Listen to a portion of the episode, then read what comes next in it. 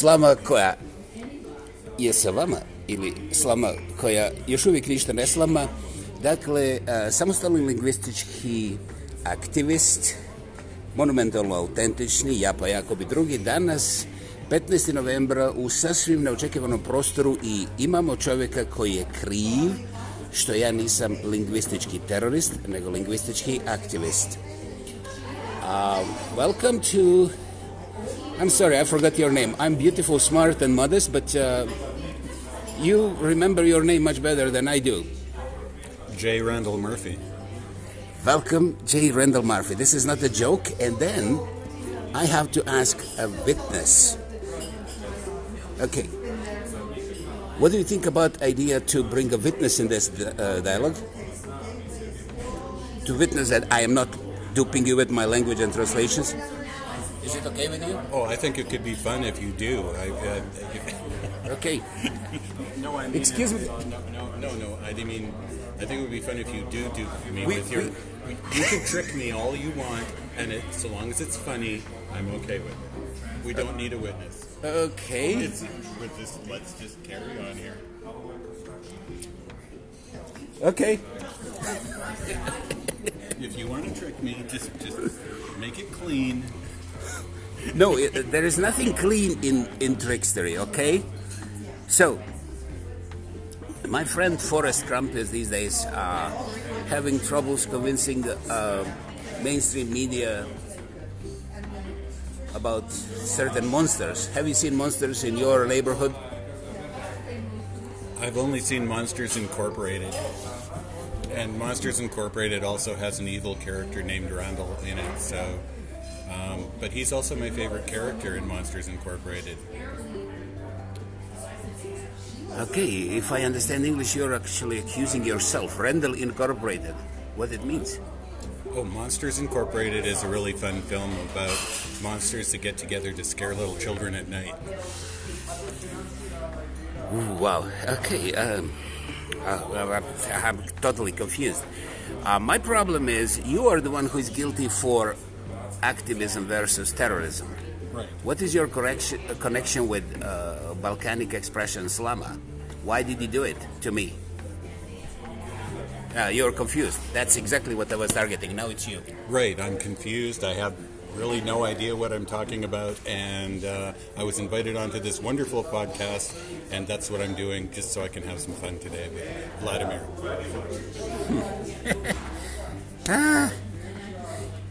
Promašio sam, totalno se promašio. Ovo je bilo vrlo, vrlo neočekivano. Okay, Randall, you don't get it what I'm talking about, but you didn't get my question.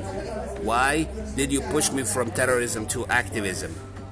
That is a big deal, man, and you did it. Why? Okay, this is more serious. Um, when people talk about terrorism, they become scared, and they're they're not they're not sure if they're safe, and then people stop listening. People like to listen to an activist, and I think that you have a lot of really interesting things to say to people, and I'd like for them to listen. So I think that calling yourself an activist instead of a terrorist will help people listen, or at least the right people, because we don't want the wrong people to be listening, because they don't do things that are very nice. Wow, this sounds like civil and even uh, proper. Wow. Ooh, ooh. Now I'm blushing. Am I? Um, just a little. Okay, okay. Still, it means I'm alive. I'm almost 100 years old. So, oh, wow. And how long it took until I actually switched from terrorism to activism because it was a blurry, very hard time for me to grasp that anyone would uh, put any doubt over beautiful word of terrorism versus activism. How long it took until I changed my religion to activism? Oh. I think you you were doing this before you met me, and so it maybe years. Uh, but after I met you, it took me about three about three years at least. I would say three or four years, five years maybe. That's what she's going to Okay, so what you're telling now publicly that I was terrorist most of the time and just recently switched to activism, is that correct to say? I would say so, but I understood what you were about when I first met you because I had seen you talking to other people and I knew you weren't a terrorist. Okay, now you know why I hate you and why I'm more beautiful and uh, so modest. See? You agree? Oh, of course you are. Excellent. Uh, 5 minutes 25, I haven't done any excess uh, mumbo jumbo show. This is really good and um, we may repeat it.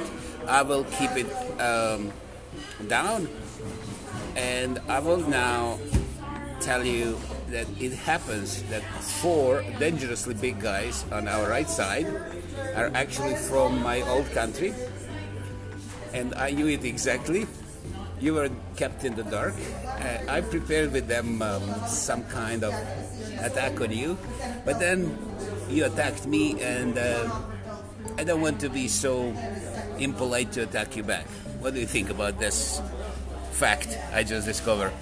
Well, I could tell that you two seem to be from the same area by the way that you talk. I'm picking up little tiny bits of your language as I go, and so you can sort of tell. Uh-huh. So, conclusion is Amerika i Engleska bit će zemlja proletarska.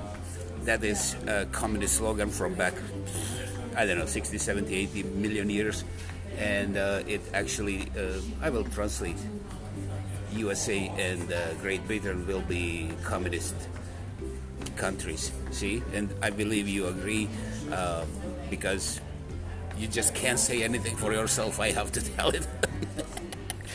uh, what do you think, uh, especially when uh, Mr. Forrest Crump is actually on this line without even paying membership for Communist Party of Eastern countries? Oh gosh, I you know I really don't know that much about the, the new president and the old one, Trump, I, I just never really liked him that much. So I don't really know that much about him either, other than I don't really like him that much. I think he's a bully. But the new guy, I'm not really sure about yet. I don't know enough about him. So, your prediction is now we are becoming a North American communist hold. Huh? I'm, I'm don't I don't know. I'm I'm more of an anarchist, really. I, I a peaceful anarchist, but. Uh, you know. Don't worry, peaceful anarchists will be sent to China for re education. And uh, how do you feel about uh, going to China by a governmental buck? Everything, expenses, even medical, is paid for you. Yeah, like the medical expenses for them to uh, forcibly donate one of my kidneys or something. I, are you, are you I think I, I'll, I'll, I will skip the trip, trip to China at all, if I can please just do that. Okay, we'll send you to Siberia. You know, Vladimir Putin has uh, understanding for people of uh, special needs. You know.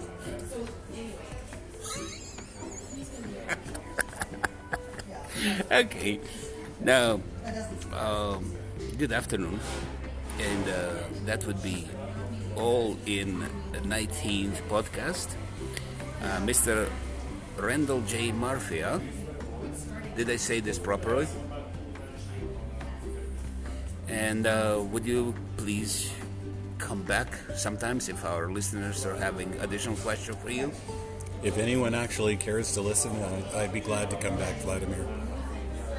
See, if anyone really cares, we'll be back. That's it. I can't say it better, so see you next time. Bye bye.